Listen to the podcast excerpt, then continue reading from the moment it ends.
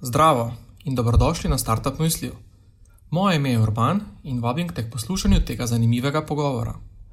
Startup Mysli so podjetniški pogovori s prepoznavnimi imeni domače in tuje startup scene, namenjeni deljenju in izmenjavi izkušenj, pridobivanju novih znanj ter širjenju mreže povezav. Na tovarni podjemu jih že od leta 2012 organiziramo v okviru programa Startup Maribor. Pa začnimo. Prvi, prvi misli v tem drugem delu sezone letošnjega leta, dobrodošli tukaj v Kibli, uh, naši prestolnici podjetniških debat. Um, znova danes bomo govorili o TikToku s tremi super zanimivimi gosti, Primožem Klaudijo in Juratom. Preden skočimo na samo debato, um, še na kratko o naši tovarni podjemu. Skratka, tovarna je podjetniški inkubator, ki že 20 let um, podpira inovativna zagonska podjetja v mestu in širše. Um, tu je nekaj podjetij, ki jih podpiramo iz različnih vetrov, panog, disciplin, starosti in tako naprej. Skupna značilnost je, da imajo inovativne, inovativne ideje, inovativne produkte, storitve, da hitro rastejo in da so nadpoprečno ambiciozni. Naša naloga pa je, da jih pri tem podpiramo. Um, predvsem jih podpiramo z znanjem, izkušnjami za mrežo uh, in pa seveda tudi s financiranjem. 43 odstotkov naših članov je pridobilo neke vire financiranja za njihovo rast in razvoj. Um, današnji pogovor bo uh, posnet, pridružil se bo zbirki več kot 80 posnetkov uh, v, naših, uh, v naši zbirki Startup Mislijev na vaši priljubljeni podcast platformi, tako da dobrodošli k poslušanju tudi ostalih uh, epizod. Evo, za vse, ki imate radi nove inovativne rešitve in radi rešujete svet, še en EPP za 3. do 5. novembra bomo v Mariboru organizirali mednarodni kasini hackathon, kjer bomo s pomočjo podatkov satelitov evropskih vesoljskih programov gradili nove rešitve za okolje, izboljšanje prehranskih verik in tako naprej. Tako da, če imate ambicije gradni novih rešitev, produktov, kasini hackathon je nekaj, kar na kar bodite pozorni. O tem boste še izvedeli, dobili sto naših mailov, ampak toliko, da imate malo v mislih, da za 1. november ne planirate nobenih Havajev ali pa hrvaških počitnic, ampak da ste tukaj v Mariboru na kasini hekatonu. Evo, dovolj EPP-ja, vračamo se na TikTok, očitno je to vroča tema, glede na naš na udeležbo. Uh, glede na goste, sploh ne dvomim, uh, zakaj ste tukaj. Uh, začnimo kot vedno s kratko predstavitvijo gostov. Um, Klaudija je zadnja na klopi, ampak prva na vrsti za kratko predstavitev. Klaudija, na kratko povej, um, kdo si, kaj počneš, um, z katerega podjetja pa prihajaš, pa mislim, da je kar očitno, glede na to fotografijo. Uh, ja, lepo zdrav sem skupaj, meni je pač žal, da sem zamudila, bila je grozna gužva. Uh, Uh, moje ime je Klaudija, uh, jaz delam pri malih junakih. Vem, če nas poznate, pač mi smo tisti, ki delamo personalizirane knjigice. Uh, v firmi sem zdaj že dobri dve leti, od tega sem prve pol leta v bistvu delala na Facebooku, advertisingu. Pol je pa nekako naš direktor začutil, da je na TikToku pač za nas priložnost in potem sem se pa v bistvu usmerila full time v TikTok, tako da v bistvu zdaj že leto pa pol uh, vodim naše TikTok profile in pa naše TikTok oglaševanje. Super, um, hvala, Klaudija. Za začetek um, nadaljujemo, Primož. Živijo sem še z moje strani. Um, jaz sem Primož, tako da prihajam iz vir TikTok agencije. Zdaj, crka zadnji tri leta se nekako ukvarjam z TikTokom, od organskega oglaševanja. Um, tako da v agenciji smo pa v zadnjem letu na TikTok spravili nekaj čez 60 strank v Sloveniji, v tujini. Delali smo tudi z nekimi največjimi e-commerce, kot so HS, Megasplet, Vitapur. Um, tako da upam, da bo super pogovor. Ne dvomim, uh, Jure. Živijo, jaz sem uh, lastnik, pa direktor podjetja Čikatela, kjer delamo kozmetiko za suho in atopično kožo, drugače v marketingu, rojen pa v kozmetiki. Delal sem v Londonu za Yves Saint Laurent, um, pol uh, za Vup Trampolin Park, sem bil direktor marketinga pa razno razne zgodbe za Triglav, pa razne banke sem pelil, pa sem Čikatelo naredil uh, svoj brand, ki, je, ki ga zdaj prodajamo v petih državah uspešno, uh, sedem jih je bilo neuspešno testiranih, tako da bom imel kaj zapovedati. Um, o, najboljši trg zdaj je pa Amerika, ki se približuje tako res raketnemu usponu. No. Super. Evo, tudi današnji pogovor je seveda namenjen vam, tako da dajte um, postavljati vprašanja. Um, zdaj, edino prošnjo, ki jo imam, je, da za vprašanje uporabite tisti mikrofon tam na mizi, tako da um, vsako vprašanje je povezano tudi z vašo fizično aktivnostjo, da se sprehodite do mikrofona in ga zastavite v mikrofon, da vas bomo vsi slišali uh, in da bomo lahko potem tudi um, v bistvu na njega odgovorili. Ok, super. Um, ja, vidiš, jaz sem pozabil zamenjati, za vsakega imamo tako lepo fotko. Se, jaz sem jih to hotel vprašati, kje si uno mojo fotko dubu, zato ker tam jaz sem se slikal pred hišo moje tete.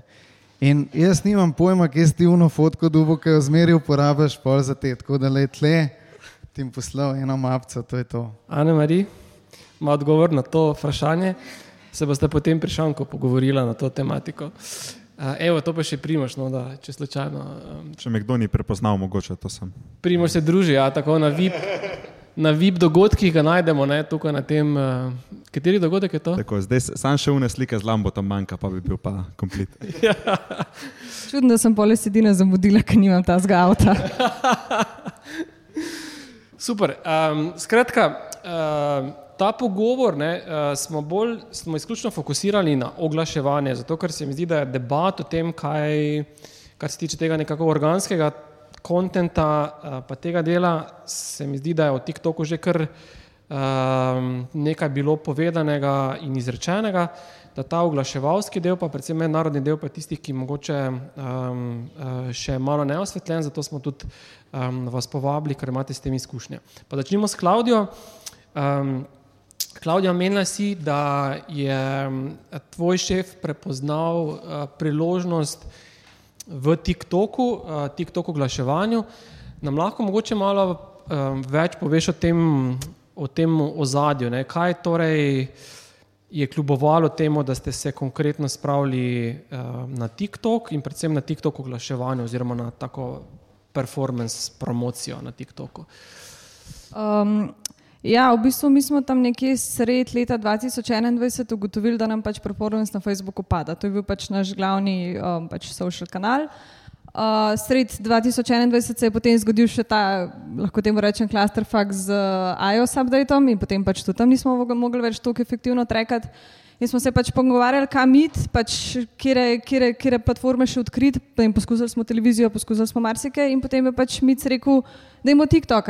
Pač mi imamo recimo vem, ene izmed naših najbolj prodajanih knjig, knjiga za pare in tukaj pač je naša publika zelo, mlada. Um, vedeli smo pa tudi to, da v bistvu naš najbolj prodajen kontent je v bistvu UGC kontent. Tako da tukaj, ko smo se potem odločili, gremo ali ne, nekako niti ni bilo vprašanje, ker smo videli, toliko imamo enega konta, ok, pač ga bo treba prilagoditi na 9-16 format, ampak to je minimalno. In, um, in pa smo v bistvu čez noč se pač odločili, smo šli, v bistvu smo ugotovili, da je gor že full content našega, ker smo ne vem, pač iskali hashtag Hurray Heroes in dejansko pač je bilo gor kar velik video, ki so jih ostali uporabniki posneli.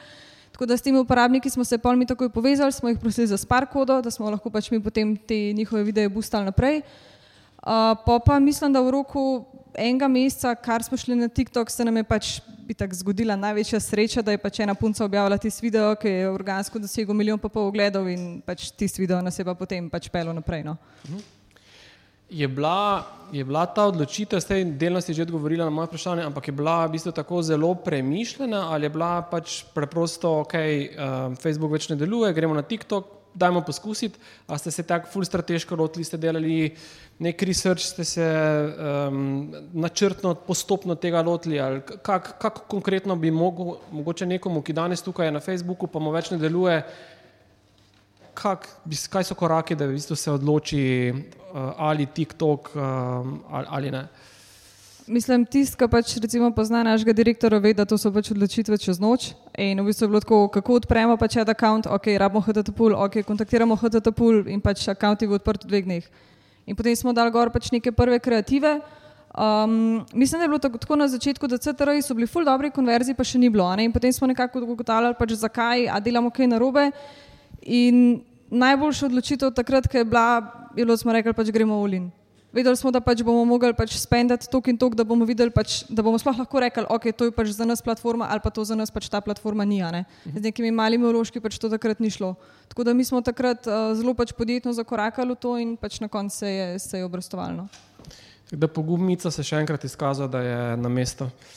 Um, mogoče še zdaj, samo preden gremo naprej, um, kje ste danes, recimo, predvsem v primerjavi z ostalimi platformami, torej vem, Meta, Google, TikTok, tako proporcionalno kolač, recimo, ki ga um, ko, oglaševalski kolač, ki ga na posamezne platforme zapravljate ali pa trošite, je kako približno razdeljen? Tak, mm, na to vprašanje bi se ful težko odgovoriti, zato ker mi smo zelo sezonski. Mi recimo, vem, imamo pač pet glavnih sezon in Valentinovo, Fadrze in Madrze, kjer pač je v bistvu demand za naše produkte res velik.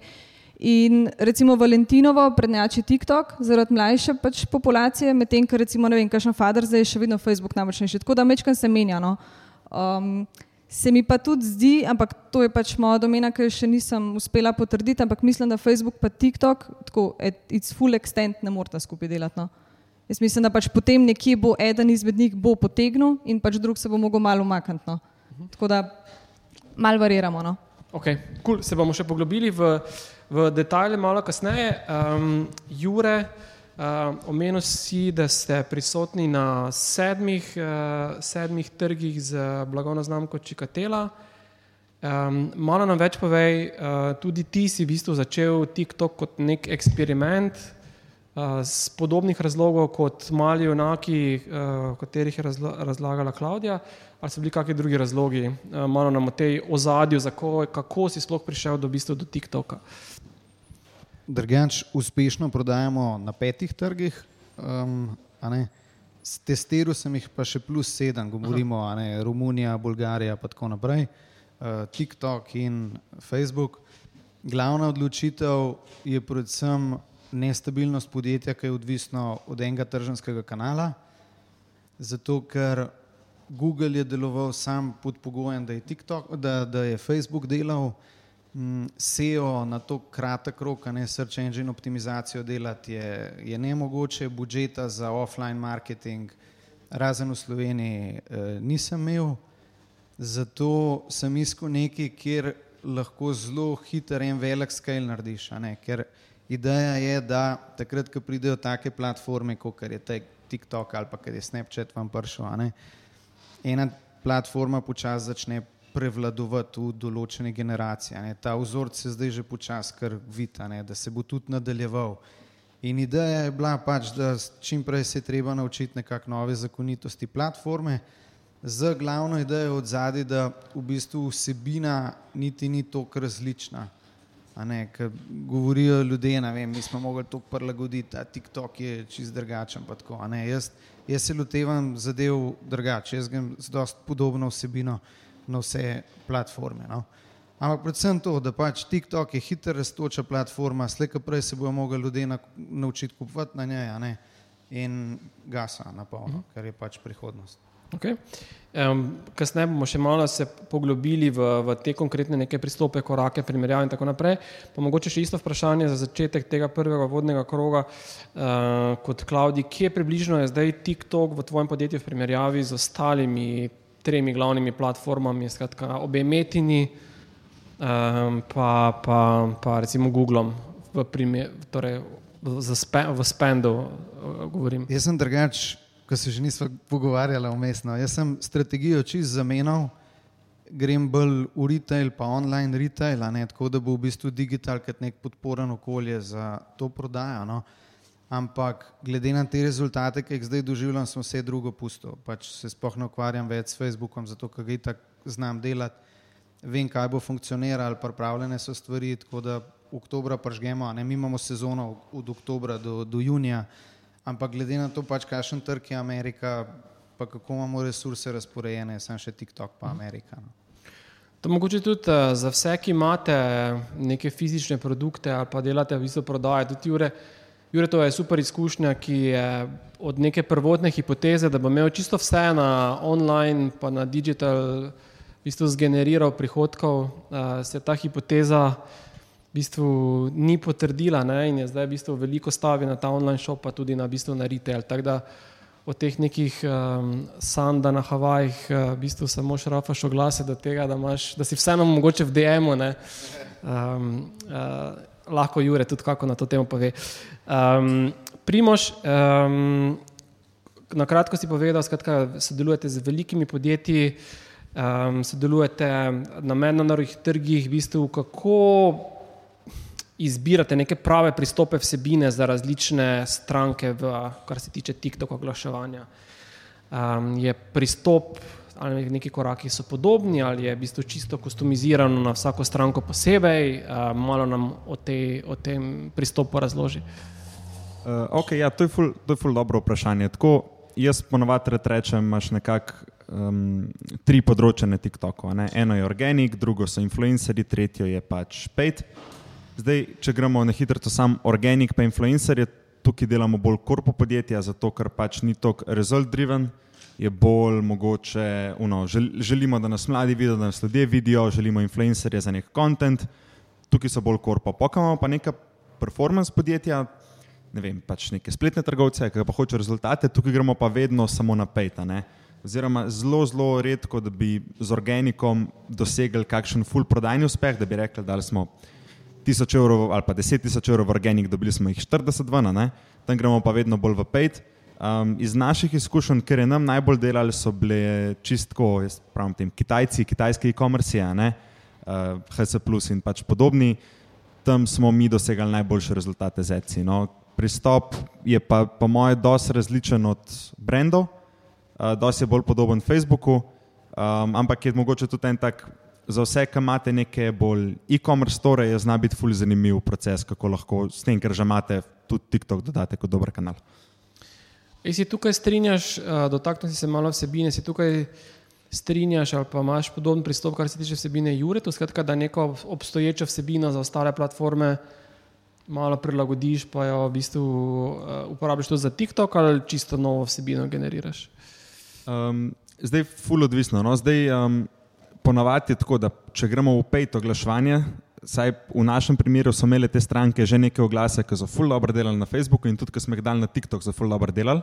Problem je sam pol, da pač taka kreativa full hiter umre, full hiter zgori, a, treba je dobiti nove, pa je pa full dobro, da imaš nek sistem, kako ti te nove dobivaš. Ne? Tako da jaz bil sem, ki začnejo bi rekel, pejte s tistem, kar že imate, ali je to UGC, ali so to neki top performing ads, um, pa na podlagi tega, pa na podlagi date ustvarjaš novo vsebino.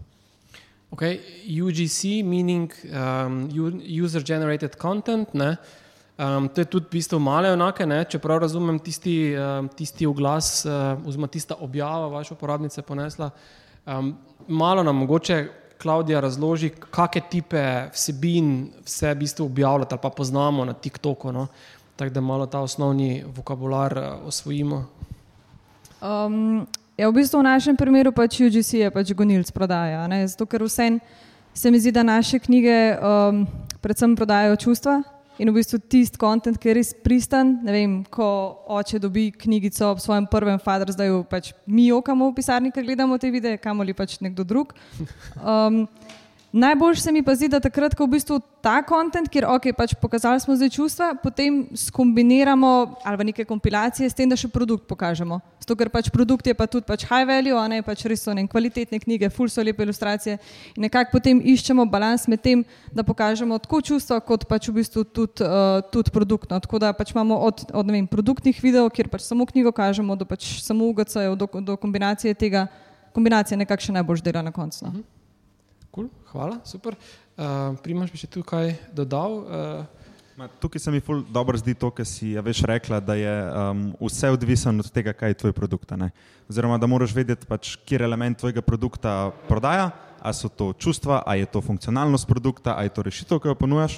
In isto je pač tako, kot na Facebooku, če te delujejo čustva, bo pač nekaj že si videl. Če, te, če je to nek produkt, ki pač že sam zgleda full hudo, pa je že sam viralen, um, mogoče lahko pokaže sam produkt. Najtežji, se mi zdi, največji challenge je pa tam, kjer moraš ti razložiti nek koncept okoli tega produkta, ali so to neki suplementi ali to nek skincare, zato ker pač eh, na trgu je sto krem, se pravi, kako je tvoja krema unikatna ne? in ta del, kako potrošniku razložiti, da si ti nekaj več, da tebe zbere, ta se mi zdi najbolj tak težek no, za, za skrekati.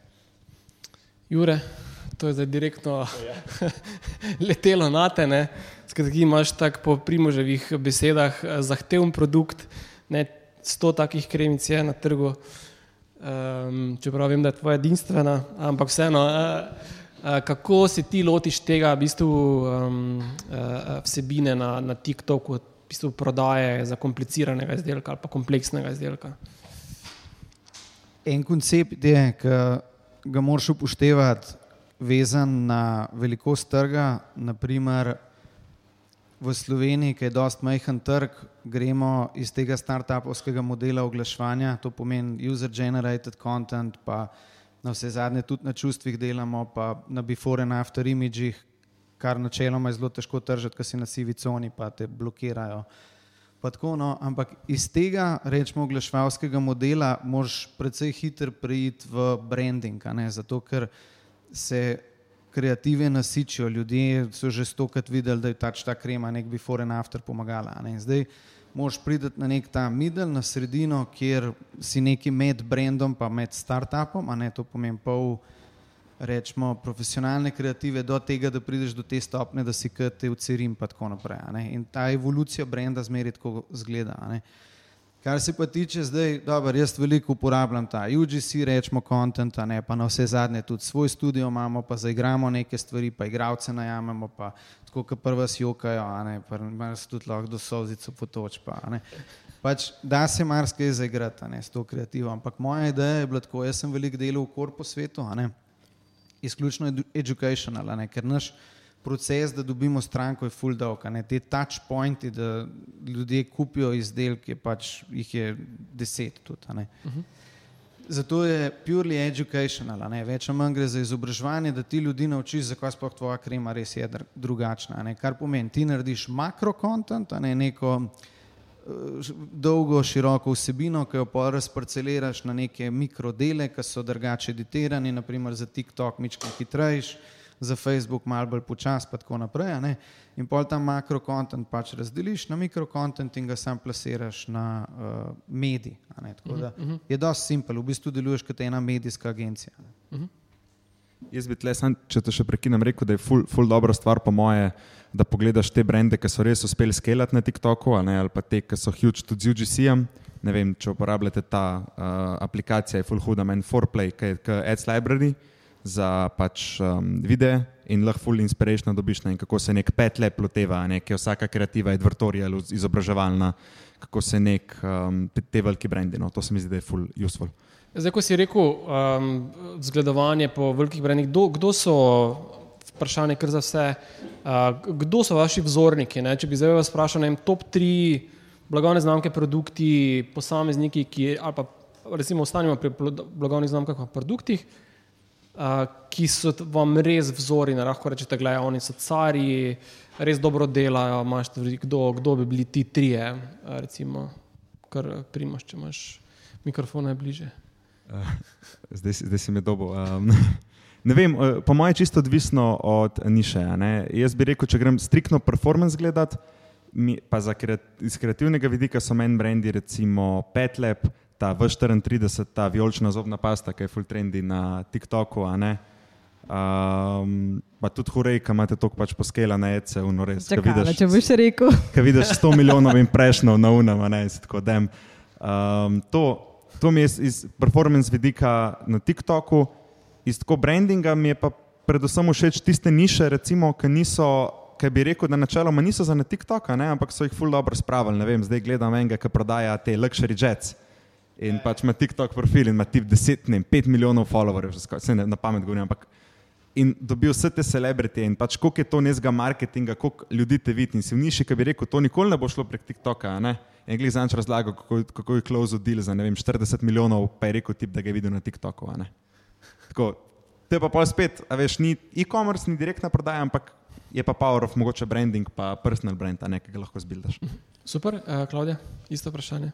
Mm. Jaz bom mogoče izpostavila raje branding. Um, mi pač tega delamo zelo malo, zato jih pač to bolj občudujem. V Sloveniji so mi ful blizu svoj brand, pa Evitas, se mi zdi, da pač to res vrhunsko furajo. Kar se pa tujih brandov tiče, mi je pa uh, EasyJet, je kar kul, cool, Duolingo, uh, tako da kakšni taki. No. Kar se pa performansa, pa niti ne spremljam tokno. Uh mhm, -huh. okay. Hvala, Jure. Jaz se tle tudi nekako tej strani pridružujem ful govorimo o enih e-commerce, performancih, veš ta hard scale, kaj ti všeč, vijolična zobna pasta, ki se cedi. čist divje, a veš, pa so to tako dost muhe enodnevance, a ne, to se firma naredi, se pobere denar vam, pa se zapre, ne. Tako da jaz gledam bolj, bolj branding, ne, jaz izhajam iz L'Oreala, sedem let sem delal v Londonu kot head trainer za Yves Saint Laurent in ta branding od zadja, ne, kako zgleda, da je ena taka firma narejena, je pač zelo drugač, pa drastično bolj kompleksen od česar koli, ki gledaš tam ene reklamce. a ne. Tako da meni so pač vzori te ta veliki brendi, kako je en moratal vse skupaj v medical device certificirati, kot je naprimer CRV. Pa vse te klejme porihtati, pa certifikate od zadaj, pa da se lahko na koncu prek influencerjev tržijo, pa tako pač. Bi rekel, CRV je top primer uh, brenda. No. Cool.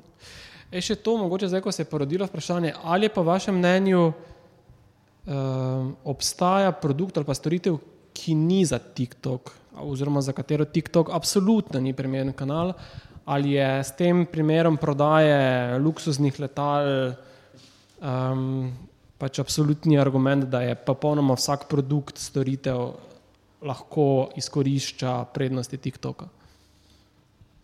Jaz bi rekel, da čisto vsak, mislim, čisto vsak, to je zdaj tako. Ja, čisto vsak, ki se hoče izpostaviti, sigurno lahko izkorišča. Ne? Zato, ker na koncu dneva se mi zdi, da pač vsak je lahko prisoten, vsak je lahko opažen, zdaj kakšni bojo pa efekti. So ene niše, ki imajo full prednosti, so ene niše, ki so full nezasičene, zaradi tega, ker še noben ne dela, pa bi imela full priložnosti. Jaz v Sloveniji gledam, zakaj ni nobenega, mogoče, zakaj je tako malo odvetnikov, zakaj je tako malo nekih zdravnikov uh, na TikToku, ki bi se lahko fulbo spromovirala. ne. Um, Imáš pa neke niše, ne vem, gradbeno podjetje, ki pa mogoče njihove stranke niso glih na TikToku in kakršno koli ulaganje v TikTok, če bi dal to kamorkoli drugam, bi več prenesela. Ne. Sam po drugi strani ni, to pa še vedno ne pomeni, da je pa ne primerno za njih. Oni imajo pa lahko sekcijo, kjer pa oni lovijo, ne vem, mlade ljudi, ki gradijo hiše, pa si izbirajo, kdo bo njihov gradvinc na koncu dneva. a ne.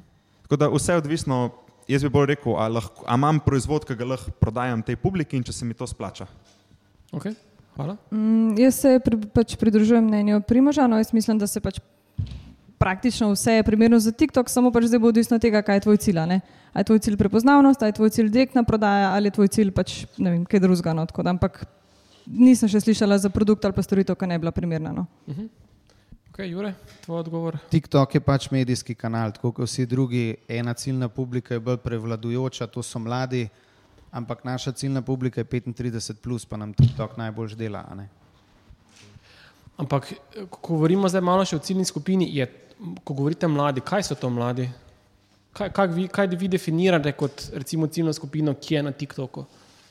Ma, to je full odvisno. Sam jaz bi rekel, pač, ko gledamo analitike, mogoče za Slovenijo. Jaz Slovenija, kar ocenjujem, cirka 600 do 800 tisoč je nekje uporabnikov, po moje. In ko gledam po analitikah, jih je nekje 56-57 posto nad 25. a ne. Se pravi, dobrih 40 posto jih je pod, 5, pod 25, pa je pa druga najmočnejša skupina 25 do 35, 35 do 44, pač ta, ampak tudi starejši so. Ne? In tako da Ja, prevladujejo mladi, pa mladi so nekako gonilci trenda, tako kot so bili na Facebooku pred desetimi leti, pa pred sedmimi pač na Instagramu. ne, In, in smo vsi mislili, da je to za nas kanal, pa so se pa naši ta stari pridružili, zdaj pa nas nobenega ni več na Facebooku. Po mojem bo ful podobno s TikTokom. Ampak zaenkrat bi rekel tako, je večji delež mladih kot vplivnežev, tistih, ki se kažejo, tistih, ki spremljajo kontent, ampak še vseeno ogromen, ogromen delež starejših. a ne. Uh, Klaudija, vaše, vaša analitika za tujino recimo, je podobno usklajena s tem, kar je rekel Primož, ali so kakšna odstopanja? Tako generalno, ali je kak trg, recimo, ki je ameriški trg, je to popolnoma druga slika, kot je zdaj Primož razložil za Slovenijo, ali je to približno podobna struktura. Um, to je zelo podobno. A se ti spomniš, ko so nam takrat razlagali, kaj je največja kohorta? 24 do 35. No, s- pa s tem, da mislim, da zadnjih V US-u. ne. v US-u, tako je. S tem, da zadnjih pet let se uh, publika sta, uh, stara ne, na TikToku. Tako da so pač vedno starejši. Tako da mogoče ti starejši, če zdaj govorim o 40-50, plus, ki so konec koncev tudi naši ciljni kupci, uh, mogoče niso tako aktivni na TikToku, ampak to pa ne pomeni, da jih ni tam. ne.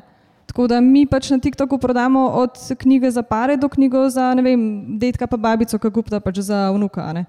Tako da TikTok je dosti primeren za vseeno. Mogo, mogoče to je. Ja. Najbolj aktivna je ta generacija, se ti zdi, vem, od 15 do, do 22, ne, te so vsi unik, se kregajo v komentarjih, pa ti puščajo negativne komentarje. Ampak pa greš pa gledati analitiko, te pa ful gleda ljudi, ne vem, nad 50, tudi nad 60, ne, in si ful presenečen, da je, je, je dober audience. No. Jaz sem hvaležen, Klaudija, da si za starejšo ciljno publiko začela z 44 letom. Ne? Jaz sem bil letos 43, tako da Jaz sem še mlajša ciljna skupina. cool. um, gremo, gremo zdaj malo v bistvu bolj k tem, tem ciljem, pa KPI-jem. Pa bom najprej eno vprašanje za vas, pa mi prosim z dvigom roko odgovorite. Koliko izmed vas je že na TikToku kupilo kak izdelek ali pa storitev? Kaj dvignite roke? Ali pa mogoče, da ste jo videli na TikToku, pa ste pol šli kupiti ja, na, ja. na Google. Tam le zadnje je na roka. Ne, mislim, treba je povdariti, da pač v Sloveniji še ne moreš preko glasa več kupiti. Zato, ker pač v glasu ni. Tako da zdaj je bolj vprašanje, ali ste bili influencani strani TikToka, pa da ste potem naknadno nekaj kupili. No, evo. Ok. Zdaj uh, je ta statistika, to je zdaj med 5 in 10 odstotkov. Bomo službe izgubili, če bo tako več. Um, je ta statistika nekaj vam znanega, je ta KPI vam v bistvu blizu ali pa znan, ali, ali je to v bistvu odstop od tega, čemer vi stremite ali pa to, kar vi spremljate? Ok, omenja si, da pri nas še ni TikTok oglaševanja, um, ampak vseeno, kaj, kaj, recimo, kak je odstotek, koliko rok bi dvignilo um, publika, če bi bili, recimo, enako vprašanje zastavo v Ameriki, recimo? Vsaj pol. Vsaj pol. Okay. Okay, zdaj, če gremo na prodajo, um, nam lahko razložiš enostavno, kako v bistvu poteka prodaja preko, preko TikToka. Je to podobno kot vem, na Instagramu, zdaj je pač neki buy now, uh, je nek CTA, malo mogoče nam razloži, uh, kako poteka v tujini, ker preprosto tu nimamo primera. Um, ja, v bistvu glasi pa zgledajo zelo podobno kot kar, ne vem, pri nas, če na Rilsu vidiš, pač vidiš video, spodaj je pač nek call to action gumb. Zelo fajn je, da na določenih trgih, recimo v Ameriki, imaš možnost tudi video shopping ads, kar v bistvu pomeni, da ko ti vidiš video, se ti tako v bistvu od spodaj preplava kot ten banner in potem začnejo šibati produkti. Ker imaš ti to enkrat vezano na kataloge, pač potem, ko klikneš na produkte, pač potem pelje direkt na produktno stran. Zdaj, kar se pa KPI-jev tiče, uh, jaz znam tukaj drugače vedno drug odgovor, zato ker pač še vedno raziskujem in še vedno v bistvu iščem nek ta sweet spot za nas. Um, mi se mi zdi, da smo v bistvu naredili največjo napako takrat, ko ne bom šla drugače. Mi v naši performance uh, ekipi smo zelo data driven in mi pač hočemo vedeti, koliko točno jih je prodal Facebook, koliko jih je prodal TikTok, koliko jih je prodal Google, zakaj jih je kdo prodal, ob kateri uri jih je kdo prodal. In dlje časa, kot smo na TikToku, bolj vidimo, da ta princip pač ne bo šel. Ne? Zato, ker Jaz mislim, da vse en tudi v tujini, um, mogoče določeni ne zaupajo TikToku. Ne? In ko ti na TikToku pač vidiš oglas in ko klikneš na njega, se ti znotraj TikTok strani odpre page in ti moraš potem tam zaključiti nakup. In jaz še vedno mislim, da niso čisto vsi prepričani, da bi pač radi tam zaključili nakup, ali ne pa grejo potem raj pač na Google, pa se na koncu v bistvu ta nakup pripiše, ne vem, Google pač brand kampanja. Tako da to je pač tukaj en problem, da ne moramo gledati res samo teh pač last klik končnih številk, zato ker jaz sem prepričana, da niso prave. Uh, mi smo to začeli testirati tako, da smo začeli delati post-purchase survey. Se pravi, da smo pač ljudi sprašvali, kje so zvedeli za naš produkt. In v določenih primerjih je bil TikTok tudi dosti, dosti višji kot Facebook. Čeprav smo mogoče vem, v tistem obdobju dejansko več skelali na Facebooku, zato ker na TikToku znotraj ads managerja rezultati niso izgledali tako profitabilni kot na Facebooku. Ampak se je na koncu izkazalo, da smo mi marsikaterega userja dejansko pripeljali iz TikToka, ampak je pač potem prek nekega drugega kanala zaključil nakupane. Tako da tukaj je treba biti mal previden, no, pa se mi zdi res celostno gledati sliko, ne, kaj TikTok dela za, za, v bistvu, ne, za tvojo firmo ali pa za tvojo spletno prodajo, ne pa toliko pač se držati tistih številk, no, recimo, kot jih Ads Manager ali pa bog ne da je Google Analytica pokaže, ka, zdaj je tako nino, ampak je zelo, zelo, zelo malo bilo atribuirano. No. Ja, jaz imam tukaj en ful podoben primer, to, kar si ti rekla iz Slovenije, ker delamo organike na brendu, se jim mogoče, če kjer vidijo, te riborno obnovljeni telefoni. Pač point je refurbished phones, um, prodajajo pač telefone, ki niso novi, ampak so obnovljeni, isto je kanal, samo da je dosti cenej. In to je super produkt za mlade, zato ker pač ti dobiš iPhone na 200-300 evrov ceneja. Ne? In pač to je res produkt za neko ciljno publiko od ne vem, od 18 do 35 do 40. In kaj smo mi opazili, da recimo mi imamo samo organski TikTok v Sloveniji, ne vem, 10 videov na mesec, um, ampak nam po after purchase surveyu TikTok atribuira nekje 25 do 30 posto prodaje oziroma recimo 25 do 30 posto ljudi, ki so kupili ta produkt, so za njega zvedeli na TikToku. veš, Zdaj, mogoče so pa na Google napisali Reborn, pa tam šli, niso šli direktno prek linka ali pa jih je zadev Facebook oglas, ampak pač first touch point je bil Reborn, ker mi delamo tako dobro organik, da ogromno ljudi sliši za nas. Največji problem je pa zdaj, kako to pol, kako si ti rekla, kako to razumeti, pa dati v cifre, pa to povečati. In kaj, skrivnost razumevanja tega, so, so, so vedno pridemo na koncu do teh številk, pač performance ali pa plačljiv marketing so vedno številke. je, Um, in zdaj, kako kombinirate, um, uh, imate, skratka, eno so te analize, oziroma pač vprašalniki po nakupu, um, še kako drugače, kakšni so neki mogoče na sveti, da bi da lažje razumete to, v bistvu, odkot vam prihajajo nakupi, imate kakšna orodja, ki jih priporočate, uh, kakšne trike. Jaz bi tukaj sam rekel, da od, odvisno, kdo si. a Ne, ne vem, če delaš z nekim velikim klientom, ki ima 10 tisoč naročil na dan, ti jih delaš pa s TikTokom 200, je ne mogoče vedeti točno, kje so tvoje. a ne. Če je tvoj biznis primarno odvisen samo od TikToka, takoj vidiš. Ampak kaj je nam ful pomagali, so UTM-ji, to, da imamo UTM na vseh oglasih. Drugo je, da smo pač res dobro eh, razčlenili view pa klik atribucijo, se pravi tudi s klientom razdelati kaj je view atribucija, kaj je klik atribucija, in pa da smo testirali um, neke produkte, ki so se oglaševali samo s TikTokom, pa pol samo s Facebookom, pa pol v kombinaciji, ker nam se je največ, se nam je pri teh produktih dogajalo overreporting. Recimo, jaz zaključen dan imam 200 konverzij, uh, Facebook jih piše 300, na storu je pa 200 ali pa 350 nakupov. Se pravi, kdo zdaj laže. Ali pa obratno, na storu je pa 700 nakupov in spet kdo zdaj laže. a ne. In bi rekel sam, API povezava pixelov, UTM linki, eh, raz, razbiti, pač, da razumete, kaj je view, pa kaj je klik atribucija, pa stestirati se ponovadi so neki vzorci ali, podva, ali over ali pa under reportinga. a ne. Atribucija je tako vedno večji problem. a ne. Večji kot ima tržanski miks, manj ti je jasen, kako pa kaj, še sploh pri teh zadevah, ki je več touchpointov. a ne. Ker jaz, na primer, ki se je dal analitiko še mečkam boljš prebrati, ne, sem, sem gledal, pa sem se čudil, kako je možen, kje ljudje, kako pride, ne, sploh do, do, do tega nakupa je noro, ne, mal je SEO, mal je to, ne, še sploh polka bolj razvijaš trge. Tako da, kar se mene tiče, ne, še sploh takrat, ko si potem v retailu, eh, kjer tega sploh ne moreš meriti, ne, je sem še feeling. Pač občutek, kako dela, ne, približen, si enkrat to reklam zavrtel, pa to že kar čutiš, kdaj se bo kakšen oglas izpel, a, a, a to dela ali ne. Približen dobiš občutek za to. No. Tako da jaz po feelingu delam te zadeve. Okay.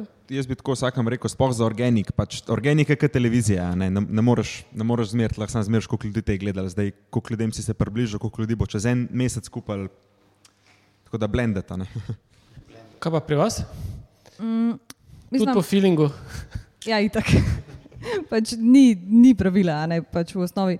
Ampak načeloma so neki ti full osnovni, tako kot je recimo Primož rekel, ok, treba vse, vse poutamati, treba imeti apije, uh, lahko daš ne vem, posebno kodo na TikTok, pa potem malo pogledaš, koliko se koda, pač koristil so take zelo simple rešitve, a ne. Um, tudi to, kar je Primož omenil, pač view, true, pa click-through atribucija, zdaj pač od, odvisno od tega, koliko boš ti temu viewju pač pripisal tudi uh, ene teže na koncu. Uh, je pa pač dejstvo, da je pač marketing je splet in tako je pač je rekel, lej, več kot imaš kanalov, pač bolj si zmeden, težji, a ne, ampak ne vem, ti dvigneš TikTok, pa se je brand dvignil. Pač korelacija je, ne. Tako da um, jaz pač predvsem predlagam, da se gleda celo sliko, vedno. Cool.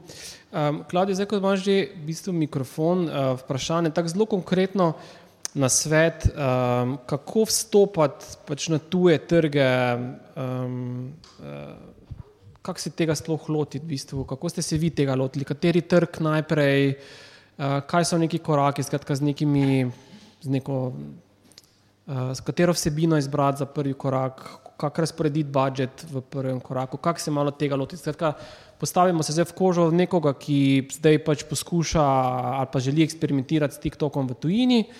Kaj so zdaj neki najbolj smiselni koraki, uh, ena, dva, tri, recimo, pa bo potem še Jure dopolnil. Mm, se pravi, recimo, da je to nek nov trg, kjer tudi s Facebookom še nisi prisoten. Ja. Mi smo recimo na ta način šli lani Brazilijo odpirati kot nov trg in takrat je bilo čim več kontenta, v, v čim več kampanj, čim prej je bilo treba recimo community interactions kampanjo postaviti, se pravi, da ti, pač, da ti raste v bistvu nek social proof na profilu, zato ker ti organsko ne moreš zarasti v Braziliji, Sloveniji. To je pač dejstvo, karkoli boš ti tukaj objavljal, se bo pač prikazalo v Sloveniji organsko in boš pač mogel vložiti v oglase. Tako da v takem primeru jaz vedno gledam na to, da, um, da profile raste, pa malo testiram kreative. Načeloma se po enem do dveh dneh vidi, pač, kje kreative imajo recimo visok CTR, pač hitro se jih ugaša, hitro se pač puša naprej tiste, ki so dobre, uh, hitro vidiš, kaj dela. Trgi imajo neke specifike, recimo jaz se spomnim, ko smo šli v Francijo s TikTokom, je bilo tako, da so nam benali vse oglase. Zato, ker uh, naša klasika je bila recimo to, da mi, mi smo imeli neke UGC kompilacije, ki so imele pač angliški govor in potem smo mi vedno lokalizirali podnapise. No, vse so nam pač zablokirali, zato ker niso dovolili v bistvu pač angliškega voiceoverja. In potem smo pač tukaj se potem mogli hitro obrniti z nekimi francoskimi voiceoveri, hitro vse lokalizirati, ampak um, ja, tega pač ne veš, dokler, dokler nisi tam. No. Uh -huh. Kaj pa to še, mogoče tako čisto tehnično? Ali imate za vsak trg, torej ne omenila si Brazilija, Francija, imate svoj TikTok profil ali imate enega globalnega, pa enega slovenskega, kako imate to strategijo? Uh, vsak svoj profil. Zato, da je pač res lokaliziran kontent, tudi drugačen kontent je. Uh, testirali smo tudi to, da recimo naš ameriški profil je pač najmočnejši, ima vem, 53 tisoč sledilcev, medtem ko še italijanski ima tudi samo 10. Uh, in smo probali boostati kakšne videe iz US profila uh, v Italijo, ni šlo. Zato, ker pač enostavno uh, ljudje zahtevajo lokaliziran kontent. No? Okay. Jezik, ja. Um, Jure, ti si tudi uh, uh, doktoriral na tem področju, malo nam to pove isto. Čikatela, Hrvaška, um, Nemčija ima svoj profil, um, malo tako isto, isto vprašanje kot Klaudij, skratka neki koraki. Ja, kako se na, tega lotiti? Ja, ne, mogoče gremo en korak nazaj in to je, da kako se boš odločil, kad ten majhen startup, rečemo, ko posluješ v Sloveniji, da boš sploh šel v tujino. Kam iti? In tukaj v Sloveniji vidim, da je zelo veliko se govori, pa hasla, pa ne, mar zelo je pameten na enih konceptih, ki niso brand. In tukaj je treba ful veliko razliko narediti, ker te stvari diametralno nasprotno funkcionirajo. Če enemu Vigo šopu, ki dela ne vem koliko na Romuniji, pa da v UJU pač brand bo zelo težko v Romunijo po orang. Mogoče njim, ne vem, to delate, a ne, meni pač je to katastrofa, jaz nisem ene kreme prodal, pa počel sem sedem jurja v ne. Tako da Ma, viš, moš premisliti, kjer trg nekako bi se upadel s to tvojo idejo. Jaz tako gledam trženje. Pač, kjer trg je introvertiran, tako da vem, ok, zdaj bom slovenski kontent bom delal na introvertiranih trgih. Hrvaška je ekstrovertiran trg, tako da tisti, kar tam pali, bom delal za ekstrovertirane trge. Um, pol pogledaš, naprimer, ene. To še nam malo, malo, malo še da podnapise, kaj je to introvertiran, ekstrovertiran trg. Sloveni, Slovenci niso tako, rečemo, hard sell, full, rabijo nekaj časa razmisliti o, o, o stvarih, niso tako direktni. Tudi, naprimer, če delaš promocijo v trgovini, se bojo ljudje krbali, pa če bojo tam pet jih bo na kupu, pa bo prišel srček probat, ampak sam pa ne bo. Medtem, ko na Hrvaškem pač ima dosti tega ega, rečemo, da pride pa, pa vzame. No? Tako da moš pol nekako te trge tako razdeliti, vsaj jaz jih no, tako, tako gledam na te stvari. No. Um, pol drugo, kar pogledam, je to, um, kje se pač orang prodaja. Ne? Neka statistika, TikTok, pač Italija, pa Mačarska je prva liga. Um, tako da to pogledam, pa na vse zadnje Amerika, ki imaš mo možnost skala, pa pa ta lokalizacija kontenta. Jaz sem to tako naredil, da sem v bistvu dubu content creatorje za vsak trg posebej, a ne govorimo Mačarska, Hrvaška, Nemčija, Španija, Italija, Amerika. Ne. Sem v vsaki državi odprl račun preko telefona v tisti državi, pomeni, da sem dubu enega content managerja, ki mi tam odprl telefon, naredil profil, smo začeli organsko metati vsebino, a ne lokalizirano, pač z njihovim jezikom in tako naprej. In pa smo gledali pač kjer dobijo največ organskega trekkinga, pa smo pa to dali lepo v oglase, pa pognalo glase. Sam zdaj imaš ta problem, ker se zgodi to, da TikTok je v bistvu lokalizirana platforma tudi zakonsko.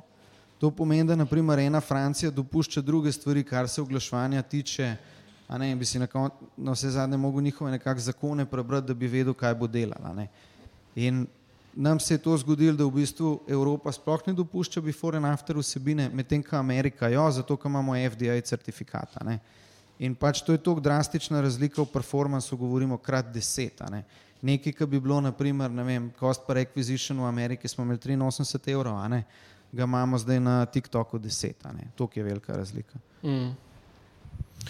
Um, pa skratka, je kakšna um, je kakšna vzporednica recimo z drugimi plačljivimi kanali, ki pa jih lahko zdaj v bistvu, ali pa ki si jih testiral, ne vem, um, Instagramom ali pa Facebookom, um, glede odločitve, na kateri trg stopiti. Veš, da rečeš, ok, ta, ne vem, Mačarska mi dobro dela na Facebooku, to je tudi zdaj prvi trg, na katerega bom šel s TikTokom, ali tu sploh ni nobene korelacije. To definitivno. Jaz mislim, da ti pač tam, ki prodaja, tam prodaja. Kaj gre bolj za to, a si ti poštekel jezik teh ljudi, naprimer, jaz Nemcev ne razumem. A Ne, Nisi ne, edini. Ne, ne, ne vem, jaz sem tam probil vsega Boga narediti, pač vsebin znam delati od information do viral, ne vem kaj. A veš, kaj tam dela? Slike. Evo, tle, tega Kaj dela? probal, drugače. Slike. Slike. Pa Ne videi, slike. Ja, da ga srola pa. Ja. Ja, ja, to še nisem drugače. Okay.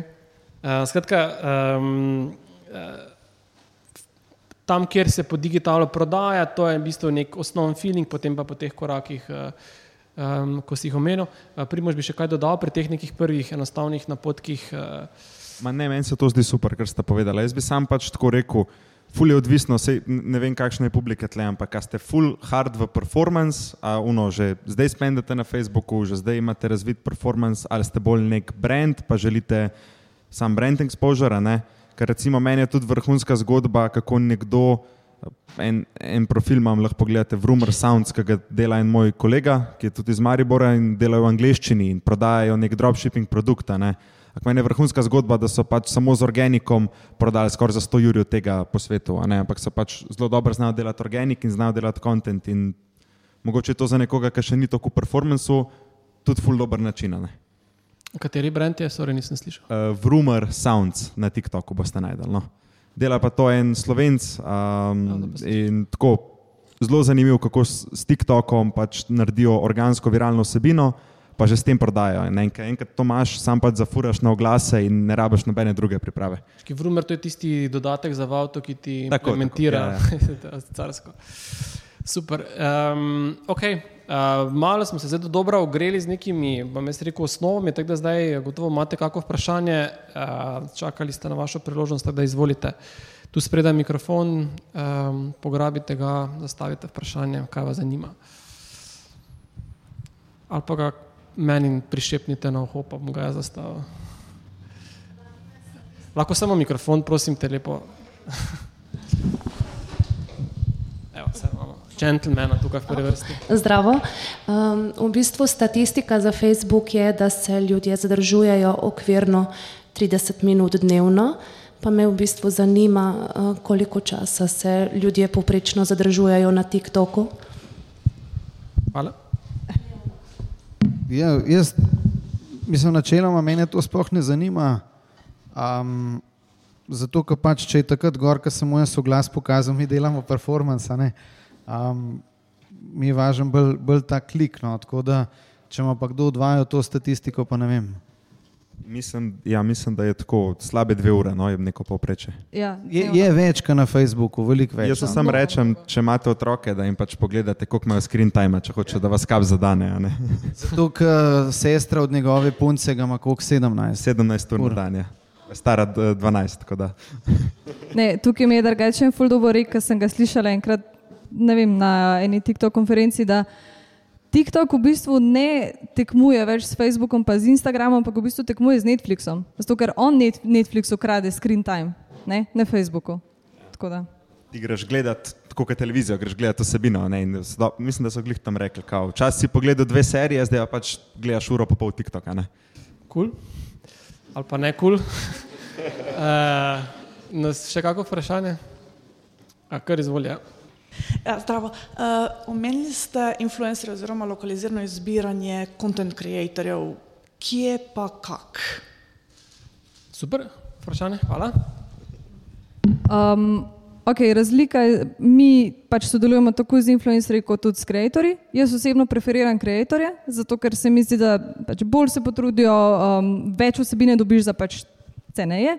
Klaudija, samo kakšna razlika uh, med content creatorji in uh, influencerji? Mislim, v osnovi so content creatorji ceneje. Pač to so tisti, ki so no name, ki ima lahko ne vem, tisoč, dva tisoč, tri tisoč sledilcev na TikToku, ampak to meni sploh ni važno, dokler jaz pač vidim, vem, da je to dober content, pa ga boostam ker tudi, ne vem, ko boš pač ti videl, ne vem, video od ene kreatorke, ki ima, ne vem, tisoč, ne vem, 1500 sledilcev, recimo, ampak ni, ni video, smo pa mi zboostali, pa ima milijon pa pol ogledov, pa prodaja, je menj čisto vse, naj jih ima 10 milijonov ali 10 tisoč.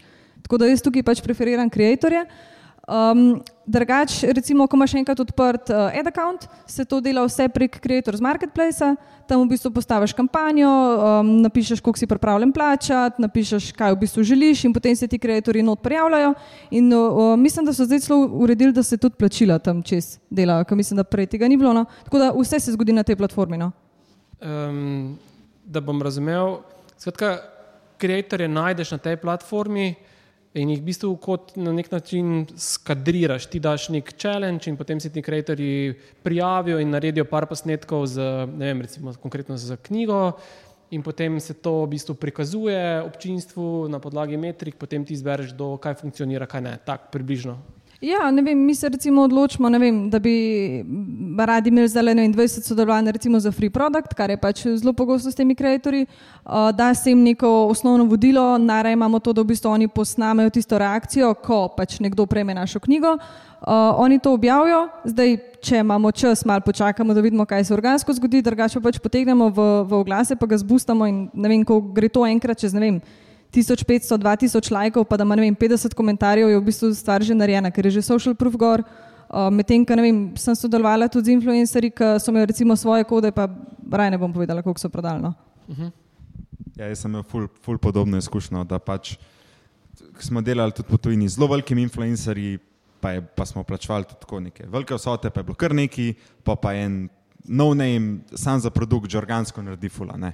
Moj nasvet tukaj bi bil sam še, če se vam gre sam za to, da dobite kontent, pa da ste recimo vi strong v uh, script writingu, recimo da, ni, da nočete sami influencer, ampak da že vi ste spisali skript, veste, kaj hočete. So pa platforme, kot so Fiverr, Upwork, Birol, še ena za te ustvarjalce, za štart, po mojem, čisto super. No. To, da najdeš par dobrih igralcev, ki lahko pač zaigrajo tvoj skript. In cena za, video, za kvaliteten video se giblje med 80 do nekje 150 evrov.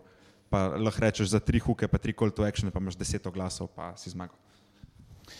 Uh, Ej, pa še to so, so recimo ti videi, ki jih dobiš od content creatorjev, uh, so, so v bistvu tvoja last, torej tebe kot naročnika, ali pa jih lahko potem uporabiš tudi vem, na, na Reelsih, pa na drugih platformah, ali je to striktno, kako je to urejeno, tako čisto pravno. To je čisto stvar dogovora. Um, v našem primeru, recimo s kreatorji, vedno sodelujemo tako, da video tudi odkupimo, zato da pač valjda gre lahko tudi na ostale platforme. Um, Je pa tukaj nekaj, kar se mi dogaja in mi ni najbolj všeč. Recimo, jaz potem sodelujem s content creatorjem, pa imamo mi dva v pogodbi, da pač je video zdaj naš, pa da mi on provajda Spark kodo. Se pravi, za tiste, ki ne veste, pač Spark koda je v bistvu ena tako zelo dolga unikatna koda, ki jo lahko kdorkoli ki ima nek video na TikToku zgenerira, jo pošlje recimo meni, ki imam ad account, jaz to potegnem noter in v bistvu ta video zboostam, tako kot pač boosted content na recimo Instagramu. To so te dark posti, ne, ki imaš na Instagramu, je pač na TikToku. Recimo, spa. recimo ja. zelo pač podoben. Uh, plus to, da ne vem, ko je ta video pač prikazan na Fido, ne, je v bistvu ni prikazan strani brenda, ampak je pač prikazan strani v bistvu pač tega uporabnika, tako da je v bistvu pač ni tok puši puši. Um, ampak potem se zgodi, da te spark kode potečajo pač po enem letu. In če se ti, jaz se zdaj recimo vedno probujem dogovoriti vem, za dve leti, za tri leta. Um, ampak tako kot sem prej rekla, mi smo sezonski, jaz dobim en vrhunski video recimo za Valentinovo in glih naslednjo Valentinovo mi bo potekel. In pa včasih ti sploh mali kreatorji vidijo, da moj video je pa uh, organsko dosegel uh, 5 milijonov ogledov, ne? pa jaz vem, da sem dala kar nekaj denarja za to, da ima ta video toliko ogledov, pa bi pa rad bil veliko več plačen še za eno spar kodo. Tako da pač mal trial and error, no pač ne smeš glih se pustiti. No. ampak predvsem pač reči za spar kodo, ki je vsaj dve leti, odkupiti video, da se ga lahko da tudi na recimo ostale platforme, plus to, da jaz sem zdaj začela še tako delati, da vedno video od kreatorja dam tudi na naš profil, ampak ga skrijem. In ga pač lahko boostam, pač kar pomeni, da pač engagement mi ostaja na pač mojem profilu. Če se karkoli si so spar kodo zgodi, imam jaz pač vedno backup na svojem profilu, uh, pa vedno pač lahko to sama podaljšam. Mm. Sem to, jaz sem se ravno zaradi te problematike lotil čist druge strategije, ker kot prvo, zato, da to delaš, rabaš nekaj denarja, pa veliko tega trial and errora, pa res grejo stvari doskrat na robe. Ti daš tam nek skript ali kaj ne naredijo, pa to ni niti približen pol tako, pa manjka kontenta, pa ne vem kaj. Tako da sem rekel, ok, jaz grem na Star Now, to je neka platforma, kjer imaš gor wannabe aktorje, ki hoče biti v Hollywoodu, In sem rekel, uh, pač mi imamo razpis za content creatorja, um, jaz naredim skripte, povem, ne, kaj treba v kremi povedati, se to polna štanca na chat GPT, malo se preoblikuje, pa tako naprej, ne, da dobimo neke, na nekih primerih uh, pač neke videe ven, ne, in pol oni to, kot igravci, posnamejo, ne, kar pomeni, da jaz sem v bistvu nek koga dubu, ki je spokesperson za tisto državo, ne, tako funkcionira to, pa se pol to razbije na mikrokontent. Druga varianta je pa ta, da se počnem lepo v avto, pa se zapeljem v Srbijo, imam tam enega duša, na fajn dečko, ki ima svoje študije. Zelo veliko imaš ljudi pač iz tujine, uh, ki znajo od angleščine do španščine, pa ti pride zelo pocen, da ga daš enega v studio, mu poveš, kaj narediti, pa ga pol jaz tam posnamem, zato ker sem pač s to kamero veš, pa mi je to fajn delati um, ali, ali pa dušen to naredi, no, ampak več ali manj zdaj to delamo, kot kar naprimer social sevena, ki v bistvu ti sam posnamaš, ne, nek skript narediš, dobiš ljudi, posnamaš neke kadre, čisto režisersko in pol v bistvu voiceover je za različne trge prek uh, raznih AI urodij narediš. No. Tako da zdaj s tem, ko so prišla ta umetno inteligenčna urodja, vr, nam je to tako drastično pocenili lokalizacijo vsebine, ker če bi mogel plačevati to, pač denarja za to ne bi imel. Ne. Zdaj pa lahko skalam neki pač en video, rečem, lahko tudi jaz posnamem, pa ga sam poštancamo na sedem trgov. To mi tudi fulj zdaj delamo. Pač snemamo v Sloveniji, ki imaš celoten kontrol nad tem, kaj posnameš, kako posnameš, pa pa ali eh, AI za voiceover, ali pa najdeš spokespersona in spokesperson ti bo računal 30 evrov na skript 200 besed, ker je še vse en full cnej v primerjavi z influencerji, ki računajo za 20 sekund video tudi po Jurjane. In na koncu imaš ti cel kontrol, kako zeditaš, pa full variant narediš, pa pač še ti si in control of the filming. Uh, mene je drugače to vrhunski pristop, ampak veš, zakaj to pri nas ne dela? Ne, ne, to sploh ni problem, ampak platnice so lokalizirane. Ne? In pač ne morem jaz jih libe dih knjigo pač lokalizirati na US. Da, tukaj se nam pač pa zatakne. No. Pa še eno vprašanje, uh, Primoš Jure. Uh, to pa ni problem, da en kontinentalen tip ali tipica v bistvu se prikazuje vem, enemu španskemu trgu, ki že čisto po, po izgledu ni njihov lokalni, lokalni tip, ali to ne igra take vloge, skratka izgled tega igralca, ali tudi to lokalizirate.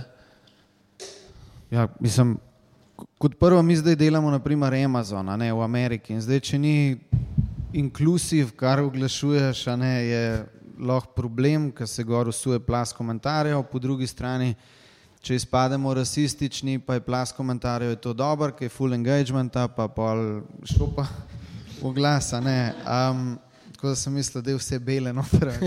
Um, tako da, ja, ne vem, ne, pač v, v ta velikih mestih, ko oglašuješ, ne, itak daš mešane ljudi, en malo črnih, malo rumenih, mm.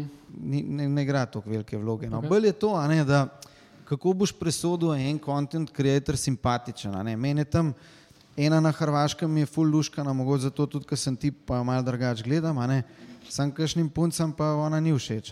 Tako da zdaj nisem še dojel, je v redu, da imamo njo, ki prodaja. Ampak, ja. okay. Ampak to, prej, prej, to je v bistvu čisto malo drugačen pristop kot to, kar si ti govorila, Klaudija. Ne? Da v bistvu lokalni content creatorji, ki v bistvu, pa tudi kar si ti na, v osnovi na začetku rekel, ne? da v bistvu lokalen človek, ki pozna lokalno kulturo, eh, kako ljudje dihajo, kaj jim pali, kaj ne, v bistvu ustvarja kontent, ki je pisan na kožo tisti lokalni kulturi. Ne. To, kar ta pristop študijski, ne, je pa v bistvu tak zelo um, izumetničen. Ja, na nek veš kaj, način. ja- jaz tako gledam na stvari. V teh naslednjih letih se bo marketing, po mojem mnenju, full obrnil. In to je, da kot prvo influencerji bodo izgubili ta njihov moment, ker folk ne bo več hotel gledati enega, ki ima milijon followerjev, ki je čist neautentičen. Ne. Um, da bodo mikroinfluencerji prevladali, predvsem se bo pa zgodilo to, da bodo ljudje hoteli gledati ali kontent, a ne pač vsebino, ki res delajo neki influencerji, ali pa sam hard sell. Ne, to, to se zdaj ni, ni dogajalo, da imaš prav direktno prodajo, kot je mogoče popolna postava dela, samo v obliki content creatorja. No. Da pač ti prodaš, ti rečeš, hej, čau, jaz sem Jure, to je reklama za čikatelo, a ne. Tako se namažeš, pa Taki se top shop. počutiš Zgodbo, pa to je to. Ja. Okej. Tle bi jaz samo mogoče. Sorry. Sam to bi še rekel, ker glih zdaj smo imeli en dober primer za to. En brand nas je kontaktiral, da bi imeli kreative za oglaševanje v Ameriki in niša so mame in očetje z dvema, od, uh, od, uh, pač, ki imata dva otroka, stara med 3 do 8. In preden ti najdeš pet takih influencerjev, preden ti skomuniciraš z njimi, da so pravni dati otroke, da bojo dobro posneli, jim spišeš, kaj vse rabijo posneti, jim pošlješ produkte, posnamejo za nič. Je to fulene organizacije, fulenega dela in na koncu še, ne vem, vsak tak, tak dober kreator bo za tak kontent, ki bi mi rabili računu Jurija ali pa še več, da bo dobro posnet. In kaj smo naredili? Mi smo dobili samo spokespersone iz Amerike, ki so pač native govorijo, pa smo pa tukaj naredili šut in smo dobili modele za 10 evrov na uro, se pravi, vem, cela družina je prišla za 40 evrov na 4-urno snemanje in smo z njimi posneli samo klipe, birole, vse je potrebno, ne vem, otrok, ki joka, uh, mama, ki se dere, pač te stvari, ki smo rabili, zato gre tudi ful lažje, da ti to posnameš tukaj. Um, in smo sam skombinirali z pač tem, kam ameriški voiceover in je bilo, kom rekel, na mes 7 jurjev je bilo 400 evrov, pa kvaliteta kontenta skoraj da ne ista, a ne. Mm. Recimo, odvisno za kva imaš. no. Klaudija? Ne, jaz sem se hotela samo navezati, ker si sprašval, kako je, če imaš recimo enega kontinentalca, ki ga pa oglašuješ v US-u. ne. Eno anegdoto imam. Uh, mi zelo malo delamo brenda, nažalost, ker pač enostavno ne uspemo. Vem, da bi ga mogli več. In potem se je tako le enkrat smo se v pisarni zbrali, se nas je po mojem, da to, kar nas je tle na enem sestanku in sem rekla, hej, vrhunsko. Zdaj bom pa jaz posnela en TikTok, kjer bom pokazala The Faces of Hurray Heroes. Ne? In sem dobila vse ljudi, pač naše sodelavce, da so imeli pač knjigo in pa so imeli tako knjigo pred sabo in pa so dali tako knjigo dol, tako noro. In jaz sem to gor, mal boostam, naslednji dan pogledam full komentarjev v zakon. Ne? O bog, mi smo bili vsi beli, a ne pa če z tega nisem pomislila. Nas so linčali, linčali. Imate da- pa performing oglas, ki je en tam na pol, nimate? Ja, pa ne v pisarni, tako da tega videa ni več na profilu. Jaz sem imel isti problem, kot sem make-up delal. a ne. Pač le v Sloveniji so vse bele in to se je začelo non-stop dogajati, da pač ta čisti rasist. Okay, še, še je kakšna taka anekdota, ko v bistvu niste pomislili na njo, ko ste vstopili na kak tuj trg, kakšen tabu, mogoče ki ne vem, beseda, besedna zveza, gesta, ki Franciji pomeni nekaj, tu pri nas pa je v bistvu brez pomena, pa ste se v bistvu se z njo eh, nasadili.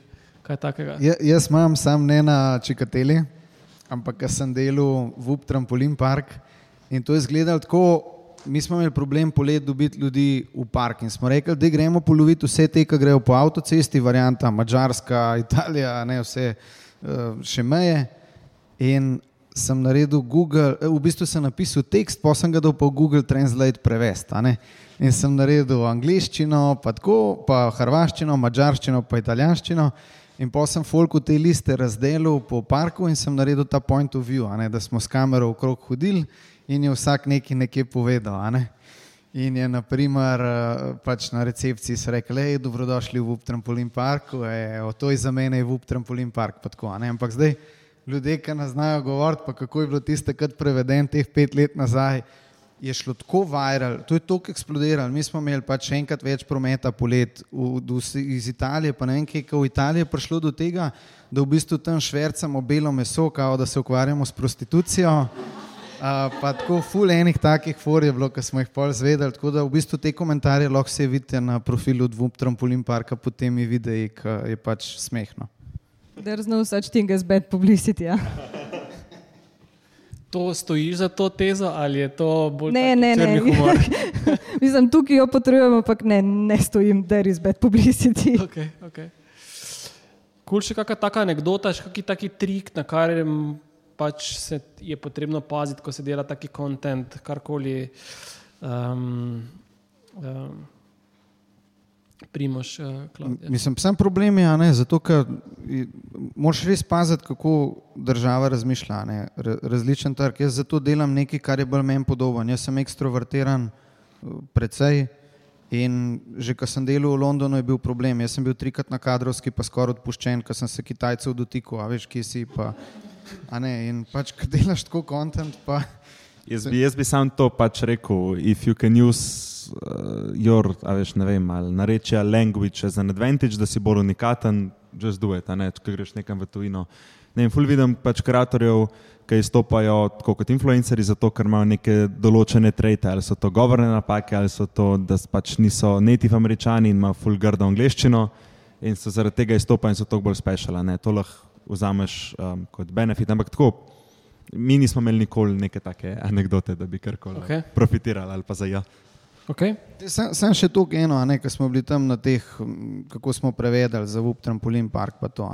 Če si ti reprezentativ svojega brenda, ne rečemo, da si spokesperson, bo, bo definitivno delal, da vzameš papirje, pa da si napišeš skript, pa da je jasen, pa da rečeš, hej, živijo, eh, jih bin jure, jih habe Deutsch in die Schule gelernt, ne.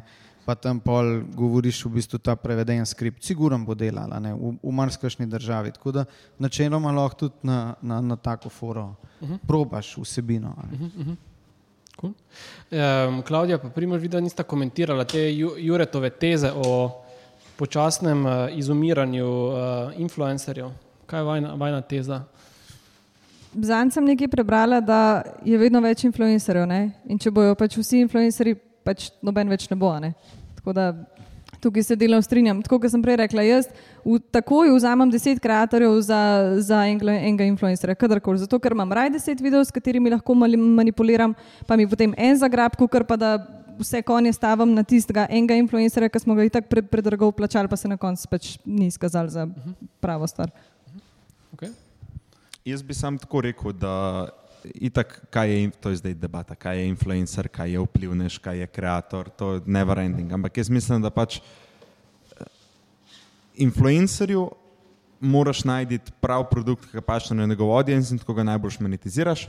Se pravi, meni je, to sva glih prej z Juretom govorila, vrhunski primer, pač Patricija Pangrešič, pa Fit Akademija, pač vrhunska vplivnica, vrhunski produkt in pač to pali.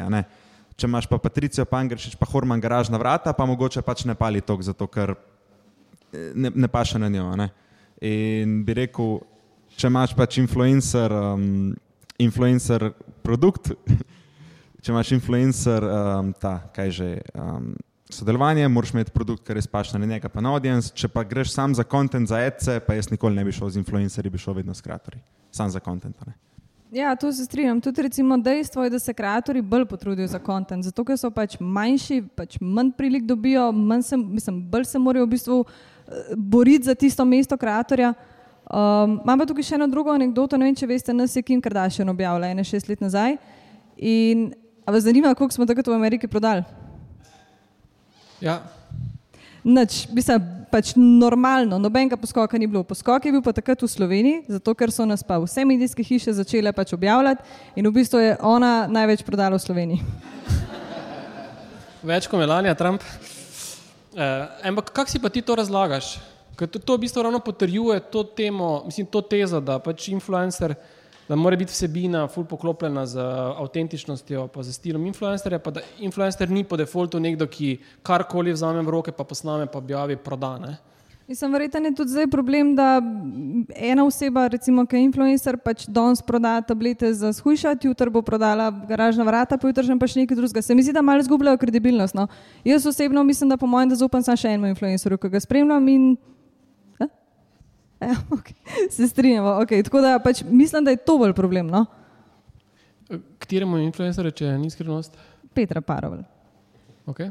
Aha, ja, mogoče še to anegdoto za tem boostanim videom. No, ta, ta v bistvu, okay, če Kim Kardashian v bistvu ni pač največ prodala v Sloveniji, kaj pa bo s tem boostanim videom, eh, o katerem smo, ki je v bistvu mi že organskega, malo nam okrog tega razloži, kaj se je s tem dogajalo. Um, ja, to se je v bistvu zgodilo konc leta 2021. Pač mi smo prišli normalno v službo in smo videli, da se je v bistvu prodaja za prejšnji dan full dvigala. In tako smo hoteli to atribuirati nečemu in nismo mogli. Dvignil se je takrat samo brand. Pa takrat smo videli, da so ljudje iskali Tyler James Book in pa smo pač to googlali. Tyler James je neki igralec, ki nima nobene veze z nami. In pol smo, mislim, da po enem, dveh, treh dneh brskanja in iskanja, pač preko česa je ta prodaja dejansko prišla, um, prišli do tega videa na TikToku. To je bila pa ena punca, zelo mlada, mislim, da po 20 let je pač kupila uh, knjigo svojemu fantu. Uh, video je dolg 6 sekund, ampak on fula pojoka. In, in tisti video, ko smo ga mi, ona ga je, ne vem, recimo objavila potem, ne vem, karikiran 20. decembra, mi, mi smo ga najdeli 24. takrat je imel že milijon pa pol ogledov. Mi smo jo takoj pisali, uh, smo se zmenili za Sparkodo, nam je dala Sparkodo in s tem videom smo pol, ne vem, več kot 10 tisoč knjig, pa samo s tem videom prodali, zdaj ima video 78 milijonov ogledov. In to je tudi edini kontent, ki je delo, ki sem ga boostala na Italijo, na Francijo, na Nemčijo, ampak ta je bil pač, to je tisti en karata. No? S tem, da pač ni bilo planirano sodelovanje, uh, kupila je knjigo, tako kot vsak drug, pač plačala je polno ceno, ampak. Um, ljudje na TikToku so zelo igri, da delijo uh, v bistvu svoje mnenje o nečem in tam so full slišanja. Ne? In zato je tam pač ogromno tega, ogromno je reviewjev, ogromno je kazanja produkta, ogromno je unboxinga, ogromno je pač nasploh podajanja nek, nekih mnen. In pač pri nas je bil to res tisti unikorn. No. Uh -huh. Pa še to, um, ta razlika, Eh, med, med content creatorji in med v bistvu influencerji. Ne? Torej, content creator ti posname video, pa ga objavi na svojem profilu, ali ga ne objavi na svojem profilu. Uh, zdaj na TikToku ga on pač vedno objavlja, jaz dobim sparkodo in potem jaz to boostam. Okay. Ampak njegov, njegov audience, torej njegovi občinstvo, ali njegovi followerji, ti lahko ga boostaš izven tega njegovega občinstva, pa čisto po nekih svojih uh, karakteristikah. Uh, Uh, ali, ali... Jaz ga v bistvu mislim, pač boostaš ga na target audience, ki ti najbolj okay. dela. Okay. Je pa tukaj vedno full fine, sploh, ko sodeluješ z nekimi takimi malimi kreatorji, ki mu poveš, da pač vsi komentarji, vsi ogledi, vsi followeri, pač to je tvoja. In, in se v bistvu pač tako, tako na njegovem profilu se pač odraža rasta, ne? kot pač tudi pri nas, če pač potem preko njega nekaj prodamo. Ne? Ampak v osnovi pač je ta, ta video na njegovem profilu in če smo mi dali v njega tok pa tok denarja, da je prišel do milijon pa pol ogledov, pa če to njim, ponovadi je to dovolj velik motivator, no? uh mhm. -huh. da se pač ne zavežeš, da pač ga boš zbustil do, do tok pa tok. Okay. Da, da vedno vsako boostanje je pač gre na njegov račun, v smislu pač followerjev, lajkov in tako naprej še vedno pa lahko vedno vzameš tisti kontent, pa ga čisto po svoje. Uh, pač tako, pač, če, je, če, če je tak dela, ne, da se um, tako odkupi tudi kontent, pa je absolutno. Okay, cool. Dobro, um, izvolite vprašanja. Uh, debata se bliža koncu, tako da izkoristite. Uh, pa še tam zadaj bilo, tako da kar uh, pogumno do mikrofona. Ja, ja, kar izvolite.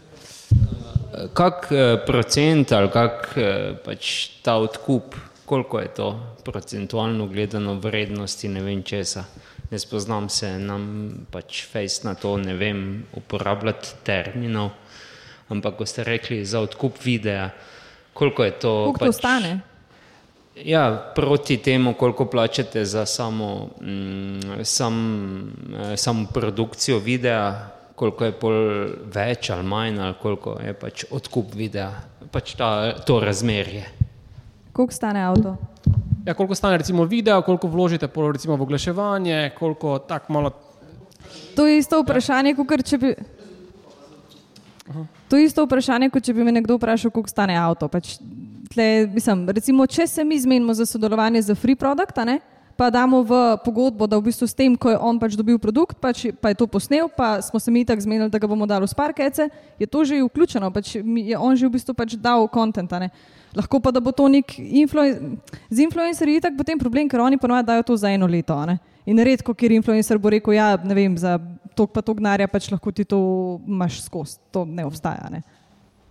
Okay. Jaz bi tukaj rekel, da so neki rangi, glede na pač velikost influencerja. a ne, Ponavadi je tako, glede na followerje, glede na reach, glede na koliko je trendi. In jaz bi gledal zdaj, Slovenija, imaš pač od 10 evrov na video do 1000 evrov tudi na TikTok, ampak bi gledal, da nekje zdrava cena za dober TikTok z nekim influencerjem okoli 30 do 50 tisoč evrov, tam 300 do 400 evrov v Sloveniji. V tujini je pa ful odvisno, ne? ti lahko delaš z influencerjem, ki ima milijone followerjev, ampak če bi šel sam na to, ker mi pač dobivamo kontent uh, samo za oglase, ne se pravi ne z influencerjem, ampak s content creatorjem, mi, mi rečemo, da plačamo med 80 do 150, mogoče 200 evrov na kreativo, kreativa je pa pač en video, pa trije začetki, trije huki, a ne, to, da lahko ti pač narediš različne verzije. Okay. Ja, jaz sem tle tudi kar zraven. Jaz plačujem 150 na video, to mi je tako limit. In, in to je to. a ne. Dobi se content creatorji, ki imajo radi sam izdelek. Ta video ti dajo, če ga boostaš, so pa ljudje tako srečni, da dobijo par tisoč followerjev na, na svoj mm. račun. Cool. Hvala. Tam še eno vprašanje. Kar stopite tu naprej, prosim, pa pol tukaj gospodična. Uh, koliko je pa recimo viral video v Sloveniji ali pa na nekih trgih, koliko bi rekel, da je video viral oziroma da se splača, koliko je, da je recimo kampanja uspešna ali pa pač če jih je več. Dej, a lahko to mečkam bolj zapakiraš, kako če je viral? Oziroma, koliko je, se pravi, koliko mora video imeti ogledov, da lahko rečeš, da je uspešen. A ne, recimo, da ni un video, ki se pri 500 ustavil ali pa Jurija, a ne, koliko je. Jaz rečem, da je nad milijon ogledov. To je za global. Ja. Mislim, mi, ki smo v Sloveniji, ki delamo, za, tudi ki delamo za slovenske brende, jaz tako rečem, če je video v Sloveniji nad 50 jurjev, je že ok, če je nad 100 jurjev uspešen, nad 200 jurjev je zelo uspešen, to za Slovenijo. a ne. Za, Zato pa za vino- Hrvaško je tudi podoben. a ne. Mi tam Ja. ja. pre 150 se je ponavadi ustavljalo. No. Se pravi, gledate pa procentualno, koliko je uporabnikov v primerjavi, pač ali na kaj bi gledal kot success. Jaz bi gledal, jaz brendom tako upravičam. Jaz rečem, koliko je trenuten CP, um, koliko je trenuten CPM na Facebooku, 9 evrov, ok, tle imamo 100 tisoč ogledov, to bi bilo 900 evrov, če bi pač hotel tako oglaševati na Facebooku, naprimer, ne, sprav CPM strošek tisoč ogledov, mi smo vam ga naredili za 200, en case, ali pa pač, ja, v Sloveniji je tako, da imaš ti 200-300 tisoč ogledov, to je že fulno. Um, Pojco pa je tako rangija, veš, ti imaš lahko video, ki imaš 100 milijonov ogledov, taj mogoče je one in a million. Mi, mi bolj ciljamo, da imaš ti neke konsistentne oglede. Če delaš v Sloveniji, da imaš recimo profil in da imaš ti mesečno, ne vem, pol milijona ogledov. In en video, ki ti prije čez 200 jurjev. In tle boš imel največjo pojavljanje, to, to je to, to, da se ti pojavljaš ljudem. Se pravi, vi, ki odprete Furu page, da sem jaz na sedmem, osmem, desetem mestu vsak ta drug dan, ki odprete TikTok ne? in moja vsebina, če or, organsko zdaj govoriva vse. Se pravi, preferirate quality over quant- quantity ali obratno. Za Slovenijo, zdaj to je vse organsko, ne? to ni pač Ja, organsko je. Za Slovenijo bi jaz rekel 15 videov na mesec, imaš zvrhan dost, um, pa ja, pač ciljaš. Jaz bi rekel 15 videov na mesec, ti mora prenesti 300 do 500 tisoč mesečnih ogledov. Mislim, da tudi, recimo, ne vem, če hočeš na TikToku zrast kot ne kot firma, ampak pač kot profil, da TikTok preferira quantity, uh, quality over quantity. Um, pač probala sem oboje, prosim, psu in quantity ne dela. Se pravi, stremiš pa v bistvu, da čim več video objaviš, da se pravi, da si konsistenten, da v bistvu gleda gledalec, da ga vsak dan spomniš. Da k- Ja, mislim, jaz sem drugač ful slaba za organsko, ampak uh, kar vem, je, ne vem, recimo, ko ti odpreš profil, ne vem, kaj prva dva meseca moraš, skozi, moraš več objavljati, zato da te noter potegne, da si zbildaš neko kredibilnost. Ampak recimo, ne vem, jaz, če ne vem, dobim en video od kreatorja, mi je tudi ful pomemben, koliko ima komentarjev, pa kako se ta kreator pač na te komentarje odziva. Zato, ker jaz vedno pogledam komentarje, ko gledam TikToke in mislim, da tudi marsikdo drug. Jaz bi tako rekel, no, sam pač, če želiš rasti, recimo imaš nek produkt, storitev ali to v Sloveniji ali to global ali na kjerem koli marketu, po moje je glavno to, da pač ustvarjaš dober kontent, predvsem, da si nekaj drugačnega. Ne? Jaz fulka tudi kakim rečem, ali pa če bi se jaz loteval brenda, bi ga za nalož zastavil tako, da bo easy to go viral na TikToku. Pač jaz delam za en brand, ki ima športne luksuzne avtomobile in pač karkoli mi objavimo, gre viral. Zato, ker pač why shouldn't it go, ne? Uh, Medtem, ko delamo za en brand, ki je pač full dolgočasen in kakorkoli se trudimo, kjerkoli drage influencere damo, pač ne gre viral, zato ker je brand dolgočasen. Tako da full bolj je na tem, um, A delam zanimivo vsebino, ki bi jo folk rad pogledal, pa še naprej. In če ja, bo tudi ogledi. In če bom delal pa še v angleščini, pa še tako zelo zanimivo, je pa šansa, da bom pa tudi dobil milijon ogledov organsko. ne. Jaz bi sam to dodal, veš, sprašuješ o ugledih, ki so v bistvu branding. Mi delamo performance, ker brez performansa firme sploh ne moreš preživeti. ne. Brand se gre lahko en, ki ima, že nekaj tako noter. a ne. Um, ti dan za primer. Naprimer, mi smo imeli po 150 tisoč ogledov na Hrvaškem. Tam je ena punca, ki te vidi, da dobro dela, a ne, čikatela.hr si lahko pogledate. In imamo ne vem koliko, se je tri ure followerjev. No. To je dosti eksplodiralo. ne. Tudi vidiš spike, a ne, ki gledaš čez analitiko, veliko ljudi pride organska, ne, pa gleda, pa link imamo noter, pa sem up ten kodom menil, pa meril, pa tako naprej. ne. In gledaš prek vseh teh organskih, rečemo, mi smo koliko milijon pa pol gledal vsega skupaj. Ne. Smo mi prodali za dva Jurija krem. Jaz sem njej plačal, ne vem, Jurija, naprimer. ne. Tako da, a veš, to ni, to ni neka metrika, koliko viewjev, tudi ti reče, naprimer, meni gre v kakšni videi viral, mislim, wow, to bo super, povedal sem ti en trik, ki ti bo spremenil življenje, ampak to ni kreme prodala, ne. Tako da se moraš odločiti v bistvu, ne, to je full razlika med tem, a delaš ti brand, rečeš organic bolj, ali delaš res direct performance sales, no. In kaj je po vašem mnenju bolj pač grajenje brenda, pa v bistvu brand awareness graditi, ali direkt pač, da se morajo prodajo, ali se gleda bolj na daljši rok? Pač. Jaz mislim, da z brand awareness, mislim, gledam, a veš, ful je malo poslovnih modelov, ki so šli Čisto odvisno, kaj, čisto odvisno, kaj delaš. a Ne, a veš, a pač, tukaj, se, tukaj je pač razumevanje, kaj je tvoj biznis. Si Ti spletna trgovina, ki prodajaš neke kitajske produkte in pač furaš sam Facebook. Ali si ti zdaj brand, ki dela ultra rare, naravno kozmetiko, zelo hudo zgodbo, z takimi raziskavami in si tako ful zanimiv, zato ker eno sestavino dobivaš, mišljujem se zdaj iz Himalaje in lahko to vključiš noter in zato unikaten. Je spet druga zgodba. A si ti storitvena, a si ti turistična destinacija, do katere ljudje pridejo in pač, ker so te videli na TikToku, it all depends. Ampak jaz bi rekel za spletne trgovce, sam performance, zaenkrat, tako, če nisi uno, da, da nisi tako velik brand, bi rekel zaenkrat sam performance, vse, kar je pa pač experience, branding ali pa da je nekaj unikatnega, tam greš pa še na organika. Ne? Plus to, da ti recimo vidiš video na Free Pageu, ti v bistvu ne veš, koliko ima ogledov. A veš, ti vidiš lajke, ti vidiš komentarje, pa ti vidiš uh, shranjene. a ne. In recimo jaz imam tudi zdaj, ne vem, se zgodi, da imam problem z videom, ki ima full ogledov, ker sem ga pač zbustala, ampak nima dosti engagementa in kaj mi pomaga tak video, ki ga nekdo vidi. Jaz vem, da ima 5 milijonov ogledov, mislim, a veš. Razumem, ampak folk te pozna, no, ampak ja, hvala. Super, hvala. Tam še je bilo vprašanje. Uh, še to, pa še eno, pa zaključujemo. Um, a je čas objavljanja pomemben in če je, pač kdaj objavljati?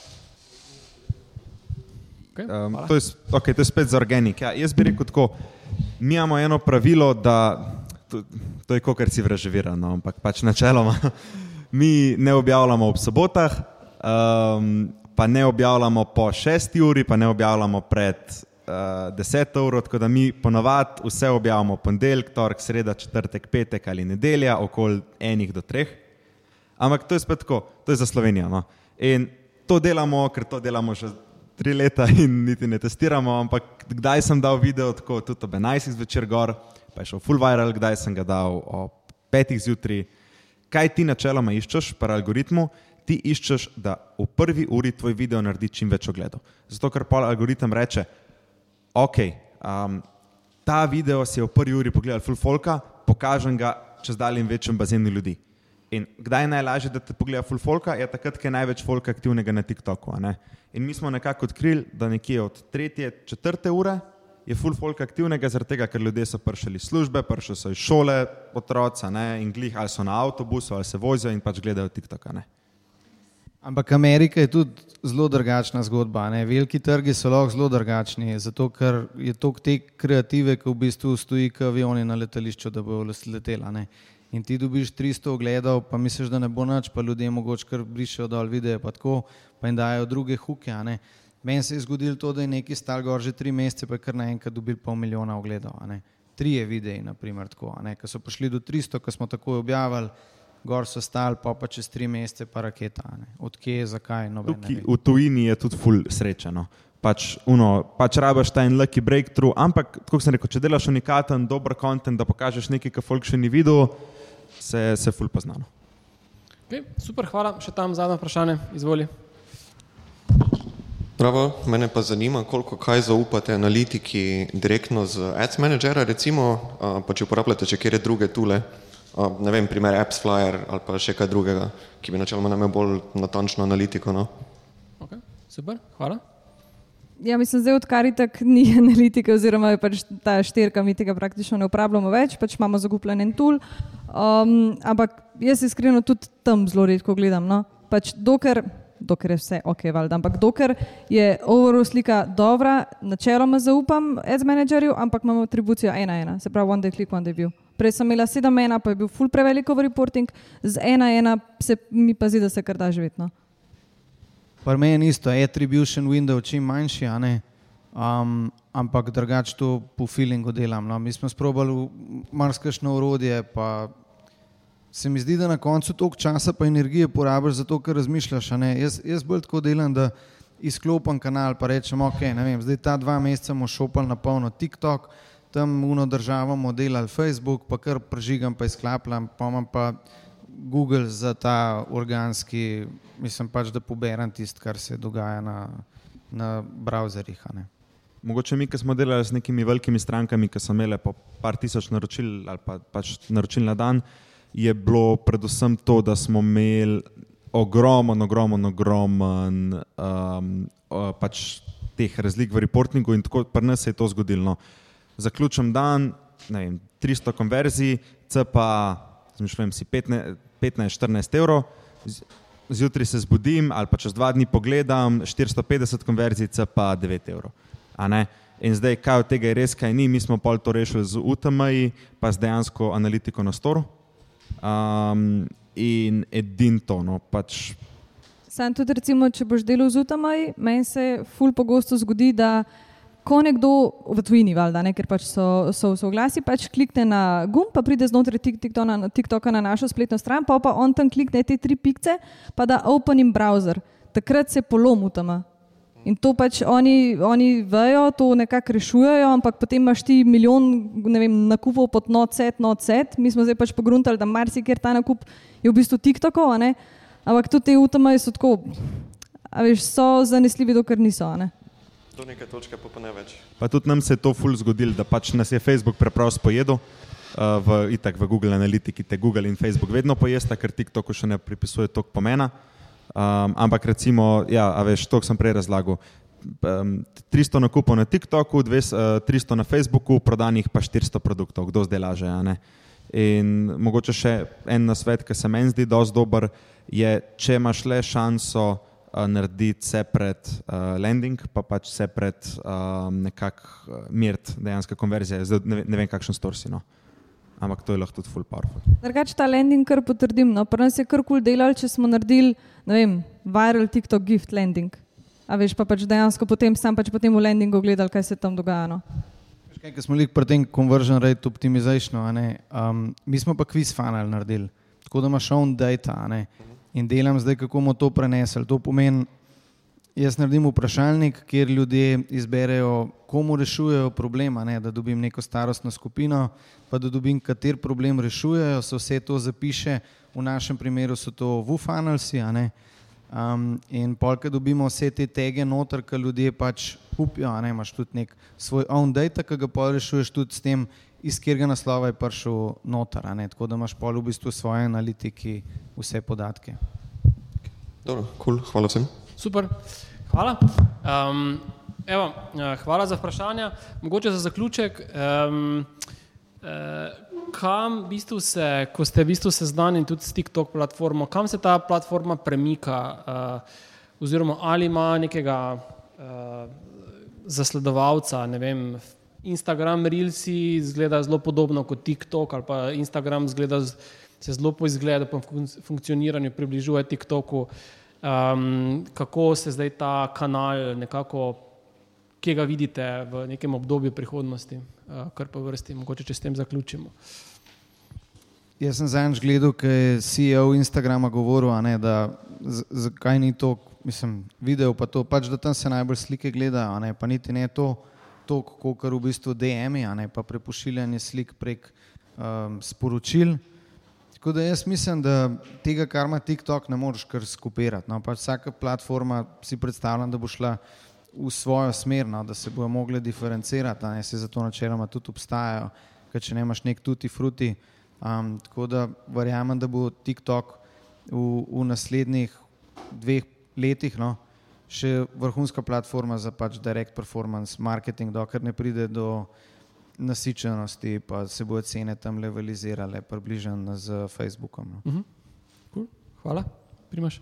Jaz bi tukaj mogoče to anegdoto. Jaz sem si vem, pol leta nazaj zbrisal TikTok iz telefona, tako po mojem sem vem, edini kot TikTok agency, da pač ga nimam na fonu. Pa ne samo zato, ker mi gre na živce, ker res opažam, da skrolaš in ne veš, da skrolaš. Ampak kaj pa, si izbrišem TikTok in pač opazim, o zdaj pa gledam Instagram Reels, si izbrišem Instagram, o zdaj pa gledam YouTube Shorts, si izbrišem YouTube, zdaj sem pa na internetu in napišem YouTube v Google in gledam YouTube Shorts. Se pravi, kaj je pointa? Meni se zdi, da to, kar je TikTok prinesel, je ta pač vertical content. Se pravi, če, če dejansko potuhnemo tako štiri leta nazaj, pet let nazaj pred TikTokom, mi tega nismo poznali. Pač ti si imel na Instagramu mime, imel si mime za scrollat, imel si YouTube, ki je bil pač tak video in vertical video, full noben ni delo. Story format je bil prvo, ampak še ta format se nekako ni tako prenesel. Meni se zdi, da čisto psihološko to, ta format ti sprošča toliko dopamina in je toliko addiktiv, da pač je trenutno najmočnejše orožje, kar ga imamo. In v bistvu ni važno, da si na TikToku, si na Instagramu, si na YouTubu ali pač na koncu dneva na LinkedInu, gledaš, gledaš ta format. In meni se zdi, da kje bo TikTok imel prednost, prednost bo imel, da je tam največ kreatorjev tega formata. In vsi kreatori, če so pametni, bojo pa pač, ali pa tudi post-kreatori, polk, ki samo kradejo to sebino, bojo pa dali na Instagram, pa na YouTube, pa jo bojo še tam monetizirali. Ne? Ampak se mi zdi, da vedno, ko gledam, vedno se nek trend začne na TikToku, ki zraste dosti velik, prije na Instagram, ki pa še dosti velik, pa prije pa še na YouTube šorce. Um, mogoče iz performance vidika, kaj jaz mislim, da se bo zgodil. Uh, Veliko gre v, avtoma, v, bistvu automation, avtomatizacijo. Google je bil pač prvi s performance shopping kampanjo, Facebook je potem šel tako iz smart performance shopping ali kako in tudi TikTok ima to opcijo, ne, kjer v bistvu ti daš pač videe in, in budget in pač pustiš, da on operira z celotnim targetingom. Uh, video shopping ads, kot sem jih prej omenila, se pravi katalo, pač kataloška prodaja. Uh, veliko se govori, oziroma veliko se tudi dela na live shoppingu, se pravi, da ti pač nekdo razlaga, ne, in pač poleg njega se potem vrtijo produkti, tako da se v, ne, v tisti eni uri tistega live pač produkti prodajo, tega je že veliko v tujini. Um, pa uh, jaz opažam, da na TikToku vsem velikrat prodam produkt takrat, ko nekdo naš video pošle enemu svojemu prijatelju. Ker vem, da recimo s partnerjem pač si čez dan pošiljava TikTok in potem se zvečer usedeva po turško in pogledava, kaj smo si poslala. In če bi pač bili pri nas oglasi, predvidevam, da bi bili noter tudi oglasi. In the way, to tudi ni poutomajen. Super. Ženska ima vedno zadnjo, tako da, Klaudija, hvala za to zaključno misel. Um, hvala vsem trem um, za, za to super diskusijo. Meni velik aplaus, prosim, za naše goste.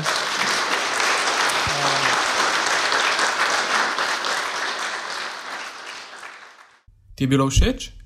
Da ne boš zamudil novih epizod, klikni subscribe. Veseli pa bomo tudi tvoje ocene, komentarje in delitve, da za nas vedo še druge radovedne glave.